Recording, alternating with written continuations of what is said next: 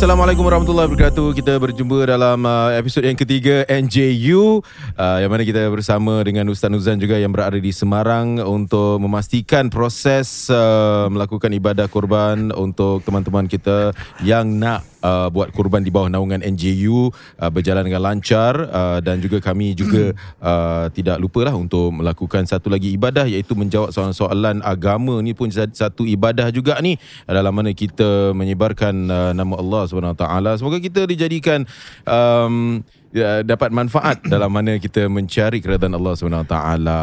Uh, jangan lupa eh kalau boleh pergi ke nju.sg uh, garis miring shop untuk melakukan ibadah korban ini. Hmm. Eh tapi podcast ini di bukan khas Belanda. Oh dan apa Dah betul Ah, lah betul. Dia orang yang sponsor. Ah betul betul Ah. betul. Dan uh, tidak lupalah bagi mereka yang nak dapatkan eh konsultasi secara percuma tentang hartanah anda semua eh nak nak beli uh, nak beli resale flat lah, nak jual resale flat lah, ada masalah itu dan masalah ini, jumpa saja ustaz agent kami adalah Ooh. uh, iaitu Ustaz Syahid uh, daripada ASA Realtors boleh hubungi 9633 6311 9633 6311. Ikuti Instagram mereka. Kau kena tahan.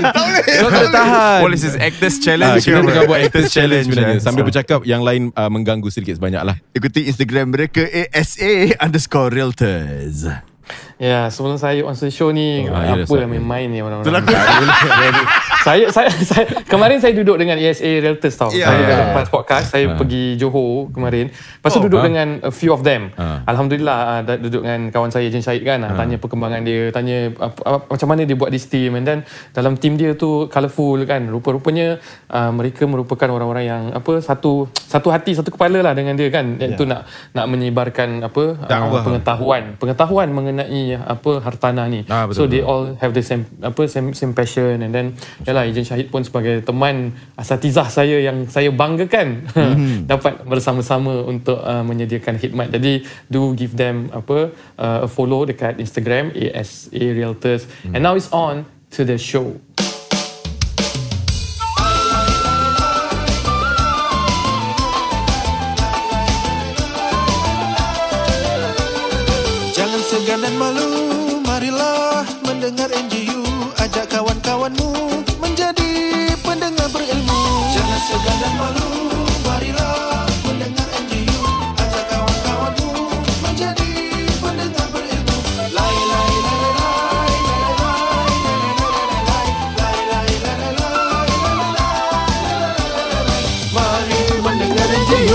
Selamat kembali dalam podcast NJU Yeah, yeah, Non-judgmental Ustaz Non-judgmental Ummah Non-judgmental You and I Dan kita ada soalan-soalan lah yang ditanya Silakan hmm.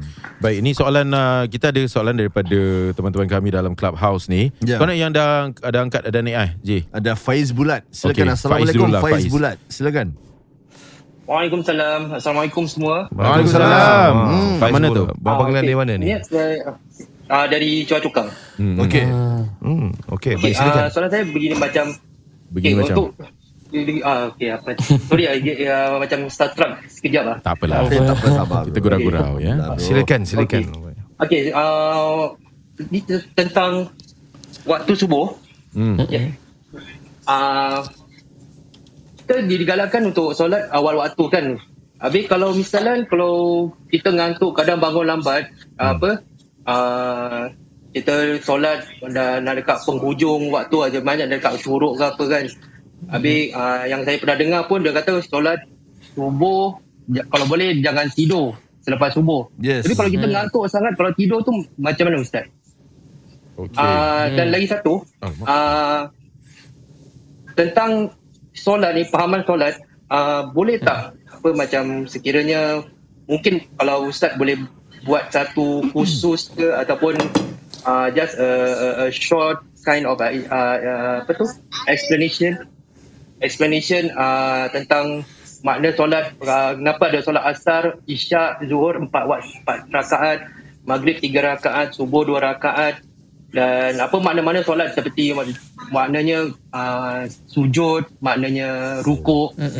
Ni mungkin uh, uh, untuk uh, Apa dia? untuk, untuk ni lah. Ya. Yalah lah. Okey lah. Okay, untuk memahami lebih dalam tentang solat lah dan Ah, rahsia-rahsia ah, solat betul. lah eh. Baik, terima kasih Faiz bulat dengan soalan-soalannya. Terima kasih. Okey. Baik, tadi Baik. pertama soalan tadi pasal apa tadi? Pasal Solat ah, subuh. Solat subuh ngantuk. Ah, memang ngantuk lah sebab waktu-waktu macam itu kita dah penat. Lepas orang kata lepas subuh jangan tidur nanti tak dapat rezeki, rezeki nanti tak datang. Ya, Ah, ni- ada yang kata mewarisi kemiskinan lagi. Ya, tapi yalah secara lumrahnya ada yang kerja malam, shift dan sebagainya lepas tu kita ngantuk kan macam kita ni balik dah pukul berapa, lepas tu subuh, lepas tu confirm nak tidur apa? Jadi macam mana ustaz? Mm-mm. Baiklah kalau tentang mewarisi kemiskinan dan sebagainya itu lebih kepada apa yang kita di pagi hari digalakkan untuk mencari rezeki. Tapi kalau orang yang kerja malam hari dia cari rezeki Ya. bermakna tak ada masalah lah. yang tak yang tak nak tu dah lepas subuh dia tak pergi keluar mencari rezeki malah dia tidur dan sebagainya eh. Dan dari sudut kesihatan itu perlu tanya pakar kesihatan eh mengenai itu. Yang ditanya tadi oleh Faizal eh siapa namanya tadi? Eh bulat. Ah, Faris Bulat. beliau Faris, ya. Fat, Fatli bulat lah eh. Hmm. Uh, beliau kata kalau subuh lepas tu tidur balik macam mana? Hmm. Uh, kita jangan biasakan. Kalau kita tak biasakan habit ni, human is a na- nature of habit eh. Yeah. Jadi kalau habit kita kita cuba usahakan selama 30 hari sedemikian, dia jadi satu kebiasaan. Hmm. Jadi cuba biasakan. Sebab itu Ramadan puasa datang pun sebulan supaya ada kebiasaan-kebiasaan menukar norma-norma kebiasaan kita kepada benda yang lebih baik. Hmm. Tapi kalau tak boleh uh, atas sebab-sebab kerja dan sebagainya tak jadi dosa. Dan kalau boleh subuh tu awal waktu memang Uh, cuma selalu orang jadi keliru di akhir-akhir tu ada ancaman iaitu tak boleh sembahyang apabila matahari terbit. Hmm. Yang dimaksudkan matahari terbit itu sebelum lagi waktu isyraq atau waktu duha. Jadi sedang matahari terbit, kita tak digalakkan sembahyang. Itu sembahyang sunat mutlak. Maknanya hmm. kita sahaja nak sembahyang sunat. Tapi kalau kita sembahyang wajib, iaitu sembahyang subuh. Ataupun kita sedang solat subuh, kemudian matahari terbit. Atau lambat lah eh. Hmm. Ya. Ataupun kita qadha. Pasal dah baru bangun, alamak tu sambil uduk tapi matahari dah keluar. Eh. Ha, jadi uh, tengah terbit. Sembahyang aja tak ada masalah. Itu ada sebab tertentu qadha. Yang tak boleh tu kalau sunat mutlak. Eh. Itu yang selalu orang keliru. Ha, dan sebaik-baiknya kalau yang paling bagus eh, orang waktu subuh tu, hmm. dia menanti subuh. Jangan subuh menanti dia. Dia bangun, kemudian waktu sebelum azan dia waktu sahur orang orang panggil wal mustaghfirina bil ashar. Ha, itu bukan waktu sahur untuk orang berpuasa je tapi Ya. waktu sahur tu di luar puasa juga istighfar dulu kan. Orang-orang beristighfar pada waktu sahur, mm-hmm. kemudian dia sembahyang sunat apa su, su, sunat sebelum subuh qabliyah subuh ataupun sebelum waktu subuh dia dah sembahyang sunat dua rakaat. Itu nice. lebih baik dari dunia dan seisinya kata Nabi sallallahu alaihi wasallam. Kemudian dia solat subuh. Lepas solat subuh dia duduk jangan jangan keluar bangun daripada tempat duduknya dengan zikir-zikir wirid-wirid yang diajarkan Nabi sallallahu alaihi wasallam. Kalau dah habis wirid baca Quran ataupun apalah kalau nak tengok handphone tapi duduk kat situ kalau boleh kekal. Kemudian kalau ialah nak tengok video syarahan ke kan nak baca buku ke duduk kat situ lah lebih kurang. Kemudian bila matahari dah terbit sembahyang sunat duha baginya pahala melaksanakan umrah. Ah hmm. dapat melaksanakan umrah punya pahala. Okey. Jadi ini semua fadilat-fadilat yang kita nak rebut pada waktu subuh. Okey baik, uh, ustaz saya I ada soalan that, uh, man. tadi Banyak banyak satu sorry dia cut you eh. Ah. Cakap tentang waktu subuh ni um, segala kebaikan memang tak boleh ditandingi dengan apa segala yang ada isi di dalam dunia adalah solat sunat qabliyah subuh. eh ustaz Nuzan eh. Yalah, lebih baik dari dunia dan seisinya ada hmm. maksudnya adalah seandainya kalau seseorang itu nak trade bila dia dah meninggal dunia hmm. ataupun dia melihat semula hmm. kekayaan dia, harta dia, apa semua, hmm. kalau besok dekat akhirat dia kata, eh kalau aku dapat sembahyang sunat dua subuh rakaat ni, dua solat semua sunat subuh, lebih baik daripada segala-galanya lah kalau nak dibandingkan pahala-pahala. Maka ada orang yang faham sedemikian, ada orang yang faham memang nanti di akhirat Allah kasih pahalanya lebih baik daripada semua yang kita pernah impikan dekat dunia. Ya. Uh, tadi ustaz ada sebut tentang uh, isu habit kan, habit. Jadi banyak-banyak Hmm. habit, habit apa yang orang segan? Habit liu. Oh wow. wow, that's good. walah, walah, walah, walah. Kira kata terus kasih ya. Sebab aku takut ni. Dalam banyak-banyak habit, habit apa yang boleh dimakan? Rabbit. Sorry, aku. sorry. Sorry, I just had to go there. I'm sorry. Sorry, sorry, sorry, sorry, sorry. Oh, Baik, Jibril, sorry. ya. Sorry, Jibril. Siapa eh. lagi selepas ni? Ah baik. Uh, soalan seterus eh tadi ada dua soalan eh tak ada eh? Itu satu soalan je kan? Satu saja. Tadi dia kasih satu apa uh, nasihat ataupun kemasukan kalau kita boleh buat kursus eh Oh, terangkan kursus satu-satu memahami solat lah. apa uh, maksud zuhur bukan hanya kursus Imam Bilal ataupun ni tapi memahami waktu makna rukuk Right, kenapa right. maghrib dua rakaat dan sebagainya lah satu. Okey, kita kajian. ada uh, terima kasih dengan soalan yang pertama dan terima kasih ustaz dengan uh, jawapannya. Kita ada Abdul Malik, Abdul Rahman nama dia Abdul Malik. Assalamualaikum Abdul Malik. Assalamualaikum Abdul Malik. Waalaikumsalam warahmatullahi Ya, so Malik buat, Ah, buat panggilan Ustaz, apa khabar Ustaz? Ah, daripada Pasir Malik. Ris. Pasir Ris. Eh. Okey. Yeah, rindu Abdul Malik, berapa usianya Abdul Malik? Ah, dah 45 lah. Ah, Alhamdulillah. Ya. Suara seperti pemuda 25 tahun. ya. Masya Allah. Ya. Silakan dengan soalannya Abdul Malik. Ah, saya ada satu soal, ah, in fact saya ada dua soalan dengan satu ah, suggestion lah. Oh, Okey, boleh. Soalan yang pertama, um, saya suka tengok muka uh, Habib Ali Mansur Al-Haddad. Hmm. Walaupun seumur hidup saya saya tak pernah jumpa dia tapi bila saya tengok air muka dia saya macam rasa saya ada connection dengan dia. Masya So saya nak ustaz punya macam penjelasan is there link tak bila kita tengok. Kadang-kadang tengok air muka dia air mata boleh berlinang.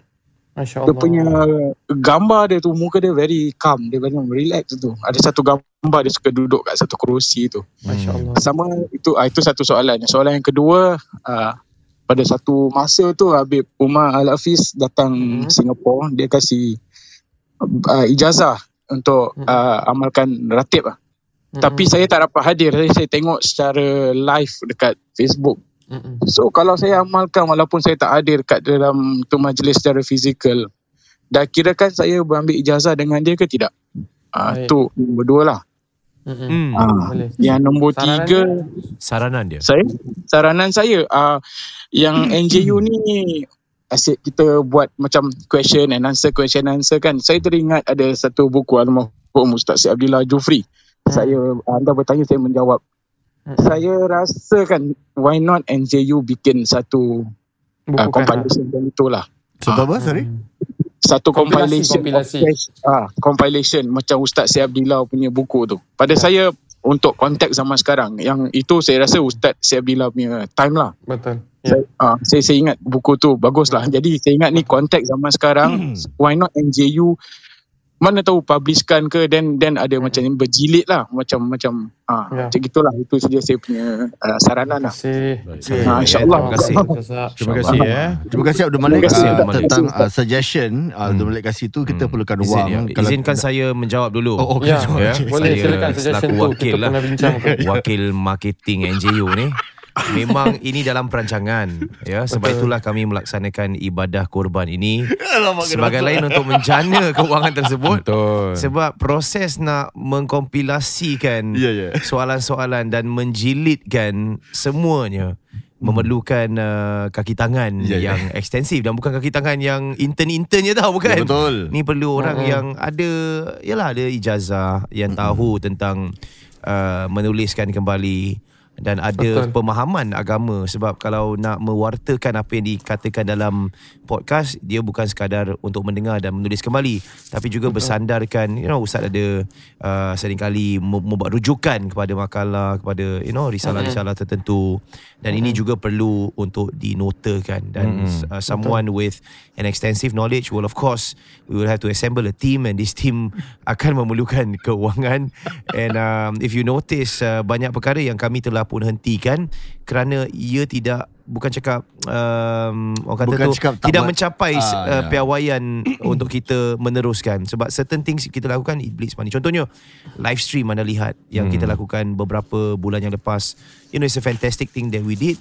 Tapi dari sudut um, you know coming up with resources to continue something as big as that maybe it is not financially savvy. So in the future we're looking for ways to actually finance this. And that's a fantastic idea. Yeah. idea yang sebenarnya sudah pun kita letak di dalam nota dan kita um, as a as a form of a legacy for NJU we want to be doing it in the near future insyaallah doakan kami untuk teruskan perjuangan ini insyaallah kita teruskan dengan uh, jawapan bagi soalan Baik. yang telah pun diajukan tadi silakan Baik.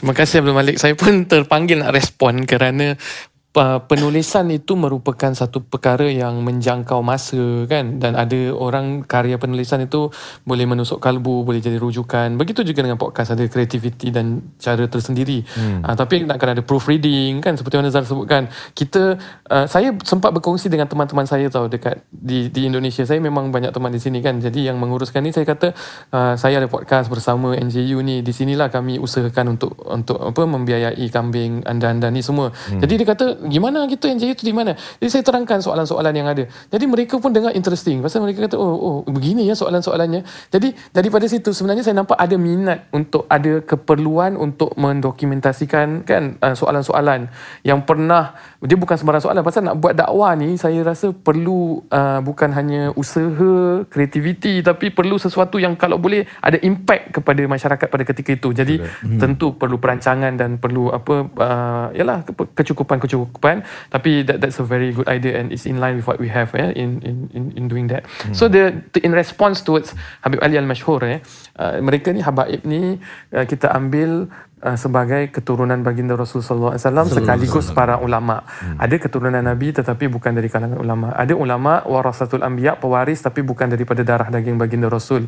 Uh, jadi melalui Sayyidina Isa Al-Muhajir, Hasan Al-Husain, eh, Al-Alawi ini semua mereka ni merupakan habaib-habaib. Jadi kadang-kadang kita tengok wajah mereka oh cair hati kita. Okey, bukan bermakna orang tak tengok hati tak percaya tu orang tu tak beriman ke ataupun lebih sedikit cintanya pada Rasulullah tidak. Tetapi gini Nabi SAW baginda Nabi SAW bila men, salah satu orang yang masuk Islam di zaman Nabi di Madinatul Munawwarah namanya Abdullah bin Salam. Beliau pendeta Yahudi pendeta Yahudi maknanya dia adalah a learned person. Maknanya dia adalah orang yang telah ada expose kepada kitab-kitab eh berbanding dengan masyarakat dan kaumnya pada ketika itu. Mm-hmm. jadi bila dia nak masuk Islam seharusnya yang menjadikan dia minat dengan Islam tu adalah uh, daripada sudut teologi daripada sudut keilmuan akademik Islam tu sendiri ajarannya kan intinya hmm. tetapi Abdullah bin Salam dia bila Nabi sampai ke kota Madinah Nabi turun daripada unta Nabi Rasulullah SAW tu yang kita tahu Talak al-Badru tu kan turun Abdullah bin Salam dia perhatikan Rasulullah SAW pendeta hmm. Yahudi ni jadi kemudian dia masuk Islam lepas dia masuk Islam tu dia kata ini bukan wajah seorang pendusta. Yang buat aku beriman ini bukan ajaran Nabi semata-mata yang aku dengar baik dengan jiran, tebarkan salam, apa yang tikat Allah tu esa kan. Quran itu bukan kata-kata yang tak benar. Tapi yang buat aku jatuh hati dengan Islam adalah bagaimana wajah baginda Rasulullah sallallahu alaihi wasallam. Maka maka di sini tidak mustahil kalau kita melihat para ulama yang mereka membawa akhlak Nabi, mereka membawa ajaran Nabi, mereka ada nur, ada cahaya-cahaya yang membuat hati hati kita terpukau, terpegun. Maka disebabkan oleh itu, kadang-kadang ada sebagian ulama kata nak memilih imam pun mereka kriteriakan orang-orang yang ada muka, ada rupa. Rasulullah SAW bila hantar ke kota Madinah pun nak jadi ambassador, Nabi hantar sahabat-sahabat yang handsome-handsome juga bukan sahabat lain tak handsome tapi yang ada karisma. Kerana ini di, ini penting. Front desk pun kan penting zaman sekarang pun kan nak kena taruh orang yang seperti apa. Di zaman Nabi SAW pun sedemikian para Nabi-Nabi kita. Jadi bila nampak cahaya-cahaya mereka tusbaku mendahului kadang-kadang kata-kata daripada cahaya-cahaya mereka. Jadi moga-moga kita tengok wajah ustaz-ustaz kita ulama kita kita kata kalau ginilah wajah orang yang berilmu macam mana wajah Rasulullah lagi kan? Hmm. ha, kalau begitulah wajah Rasulullah bagaimana kalau Allah zahirkan zatnya esok nanti dengan dengan cara yang Allah zahirkan. Begitu aja kita rasakan insya-Allah. Soalan kedua tentang ijazah kalau yeah. di melalui Facebook atau melalui bukan hadir eh. kalau memang habaib itu menyatakan ini ijazah amma, saya tanya guru-guru saya dia kata kita sebut qabilnal ijazah. Kita sebut kami terima ijazah. Ijazah tu secara tak langsung itu adalah satu benda yang guru mengajar, kemudian guru wariskan, amanahkan, uh, membenarkan seseorang itu mengamalkan sesuatu tu atas dasar keberkatan dan atas dasar supaya apa yang kita amalkan tu uh, berkat kerana dia bersama dia, dia adalah atas izin guru dan guru pun dapat izin sampai kepada Rasulullah SAW. Jadi kalau kita tak diijazahkan kita amal ilmu dan amalannya pun tetap kalau Allah terima terima. Tapi kalau lebih berkat diijazahkan dan lebih berkat hadir. Tapi kalau online itu diterima sebagai ijazah amma kerana habaib pun tahu video-video mereka itu di online kan. Kadang-kadang ada habaib ataupun ulama-ulama dia sengaja tengok dekat kamera dia kata aku ijazahkan yang kat rumah pun sama sekali jalan uh, ya yang melihat apa uh, video dan live ini. Allahu alam. Okey. Wow.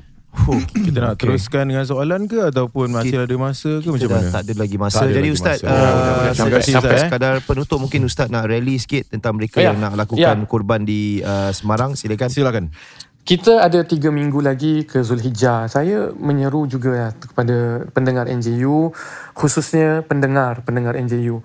Yang kita lakukan ini sebenarnya niat kita untuk kita bukan hanya dapat daging-daging, dapat saya pergi ke sini dapat apa silaturahmi semata-mata. Boleh aja tak payah kan ada amal-amal lain. Tapi bagi saya ini peluang untuk para pendengar NJU itu sendiri yang bersama-sama NJU untuk kita melakukan ibadah. Khususnya pada bulan Zulhijjah ni. Uh, InsyaAllah walaupun kita nampak kecil eh sebahagian kita tu 170 200 dolar kan tapi besar pahalanya di sisi Allah kerana kita membiasakan mengorbankan sesuatu pada waktu-waktu tertentu. Dan apabila kita dapat ini memanfaatkan kawan-kawan kita di Indonesia kawan-kawan kita di Bangladesh yang kita akan kita akan hantar eh, kawan-kawan di wakil dari Singapura untuk pergi Bangladesh untuk lihat. Jadi Moga-moga ini syiar lah. Ini satu benda yang mekanisme yang Allah aturkan indah sangat. Seperti sistem zakat, seperti korban ni semua. Indah sangat untuk urusan duniawi, community, untuk hati kita merasa tenang, untuk pahala kita diangkat, untuk peluang dosa diampunkan. Sangat-sangat indah syariat ini. Macam ibadah solat. Kalau kita menghargai, indah sebenarnya solat ni. Kalau tak ada solat macam mana? Kalau tak ada korban, lain hidup aku. Jadi rebut peluang ini. Kalau kita mungkin kurang kemampuan, tak apa. Kita nazar, kita, kita apa niatkan pada masa akan datang. Kalau ahli keluarga kita tak tahu kat mana, kita tujukan dekat sini. Kerana kita yakin dengan apa yang kita lakukan di sini selama ini pada tahun yang lalu dengan teman-teman yang ada kita yakin. Ha, jadi sampai-sampaikan kalau mungkin kita tak sempat. Tapi kalau kita berkemampuan, saya menyeru sangat. Jadikan kebiasaan, lakukan bersama-sama kami di NJU. Kami Alhamdulillah sedaya upaya mengamanahkan uh, apa amanah anda ini kami wakilkan diri kami untuk melaksanakan amanah anda kepada orang-orang yang betul-betul memerlukan dan sangat-sangat uh, mengharapkan perkara ini dan semoga Allah terima amal-amal mereka yang bertakwa ini. Amin ya rabbal alamin. Amin ya rabbal alamin. Terima kasih bagi mereka yang nak melakukan ibadah korban silakan saja di nju.sg garis miring shop dan saudara kita akan uh, bersama pula dengan yang berbahagia Ustaz Syahid, ejen Ustaz Syahid uh, yang akan membicarakan mengenai jual beli rumah uh, dari teman-teman kami penaja uh, iaitu ASA Realtors. Dan juga boleh ikuti Instagram mereka ASA underscore Realtors Jadi bagaimana Ustaz? Sana Shuaya Ma'ana Saudara podcast ini dibekan khas kepada anda oleh teman-teman kami di ASA Realtors. Bagi yang memerlukan konsultasi hartanah secara percuma Boleh hubungi mereka eh, di talian ni. 9633-6311 9633-6 Diamlah lah Apalah? Aku tengah berzikir ni. Letaklah zikir di tempat oh, yang lain Okeylah okeylah 9633-6311 Ikuti Instagram mereka eh Kalau siapa yang ikut Instagram mereka The 10,000 person Huh? Will get 10,000 dollars Ya ke? Tak ada Yang bayar Macam-macam ESA ni ah.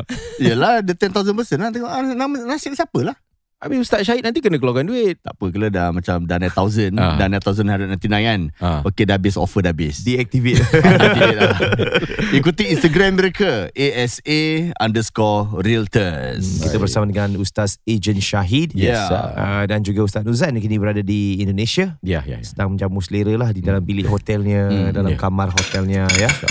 Oi, oi, Tahulah Bising Ustaz Baik uh, Kira Ustaz tengah seorang eh kat hotel Ustaz eh? Of course lah. Of course lah. Kan dia ada tugas Tak seram? di sana. Nanti kita akan berbicara berkenaan Oh, dengan hal ya. tu.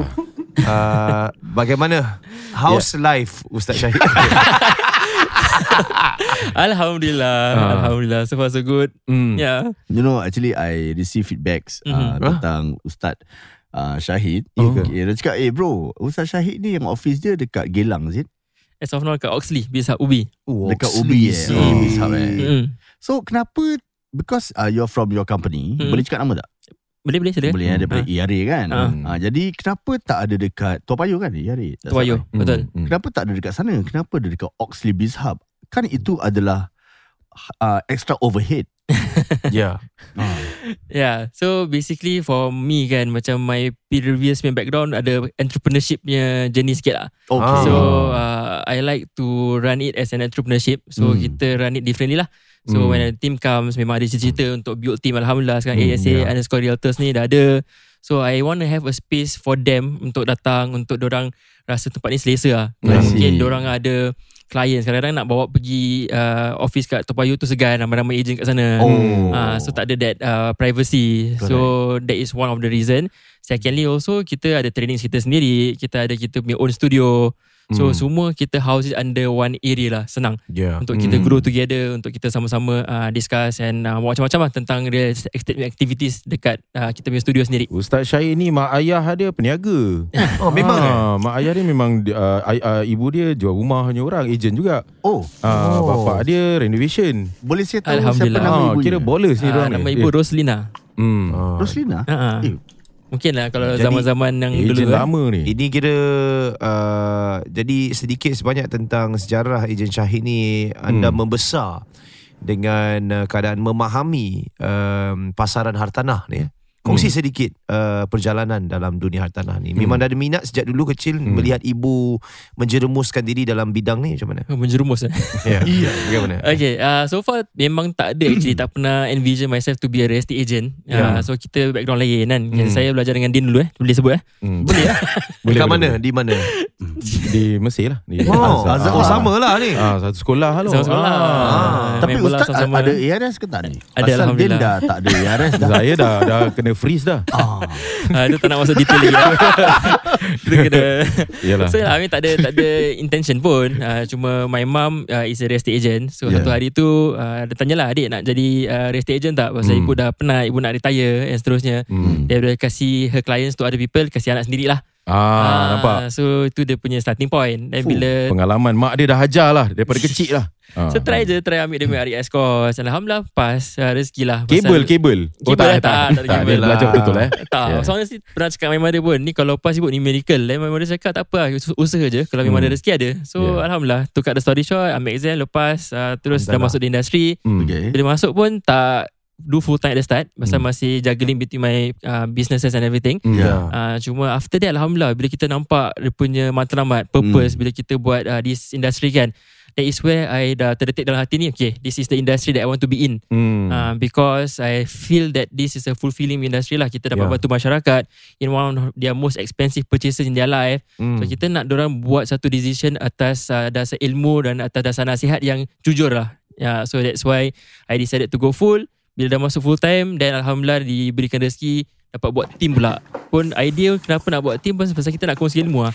Hmm. Kita nak kongsi ilmu so bila kita sendiri berapa ramai yang kita boleh uh, outreach. Mhm. So bila kita dah ada team yang besar mungkin Yeah. kita lebih outreach lebih and can be amplified lah. So that's the whole idea of uh, building a team together. Hmm. Right. Ya, yeah, so I, I can testify to that tau because Silakan. bila dekat Mesir dulu, Ah. uh, Ejen Syahid ni orang panggil dia macam Chan Honam. Oi, pasal Chan Honam. Dia Kenapa, suka eh? kumpul-kumpulkan orang lepas tu initiate something, you know, Oh. kumpul kita do it together, do it together.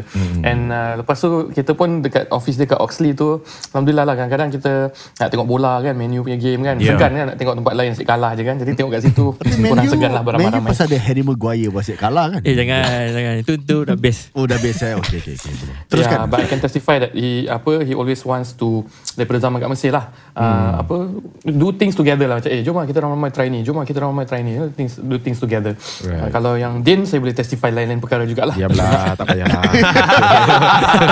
tak payahlah. Okey, baik. Ada soalan yang di, ingin ditanya. Ah, satu soalan Ah. mungkin tentang um, Faraid itu kalau ada kematian. Ya, Ah, kematian, okey. Ada pernah berlaku yang mana uh, kedua ibu bapa dia adalah owner. Mhm. Ah, Ah. Ni dan anak-anak dia ada occupier. Okay. Aha. Dan there's this uh, be- setelah setelah beberapa lama bertahun tinggal sana Mhm. dan kedua ibu bapa yang meninggal lah. But not immediate lah kira selang-selang-seli. Okay. Ah. Now rumah tu dah tak ada owner. Okay. Hmm. So adik-beradik ni dia don't know what to do. Mhm. Pasal pak cik dia pun dah hentak dia orang Okay. suruh jual rumah ni. Okay. So macam mana ah, senario macam itu? Kalau senario macam gitu kan Kalau basically uh, The owners dah tak ada tau The Hmm. eldest is 22 years old, abang dia. Ah, okay So basically kalau um, rumah tu memang tak ada owners lagi Ya. Dia akan jadi benda ni panggil administrator case lah Okay. So administrator ni ada orang kendalikan lah Hmm. hmm. Because the owners dah tak ada hmm. So dia akan jatuh kepada hak faraid Because dia tak ada owners kat dalam lagi Tapi apa yang orang mungkin akan buat Kadang-kadang dia masukkan nama anak dia Sebelum dia meninggal Hmm. Oh. Ah, So kira orang nak anak dia uh, Take over the ownership of the house kan Ya. They can put the son ke the daughter yang diorang nak tu. Kalau tak, bila diorang duduk dah meninggal, rumah tu dah jadi harta warisan. So Aha. harta warisan nak kena agihkan ikut faraid. Okay. Oh, okay. Ah, so I see. cuma, hmm, cuma sekarang ni kena depends lah.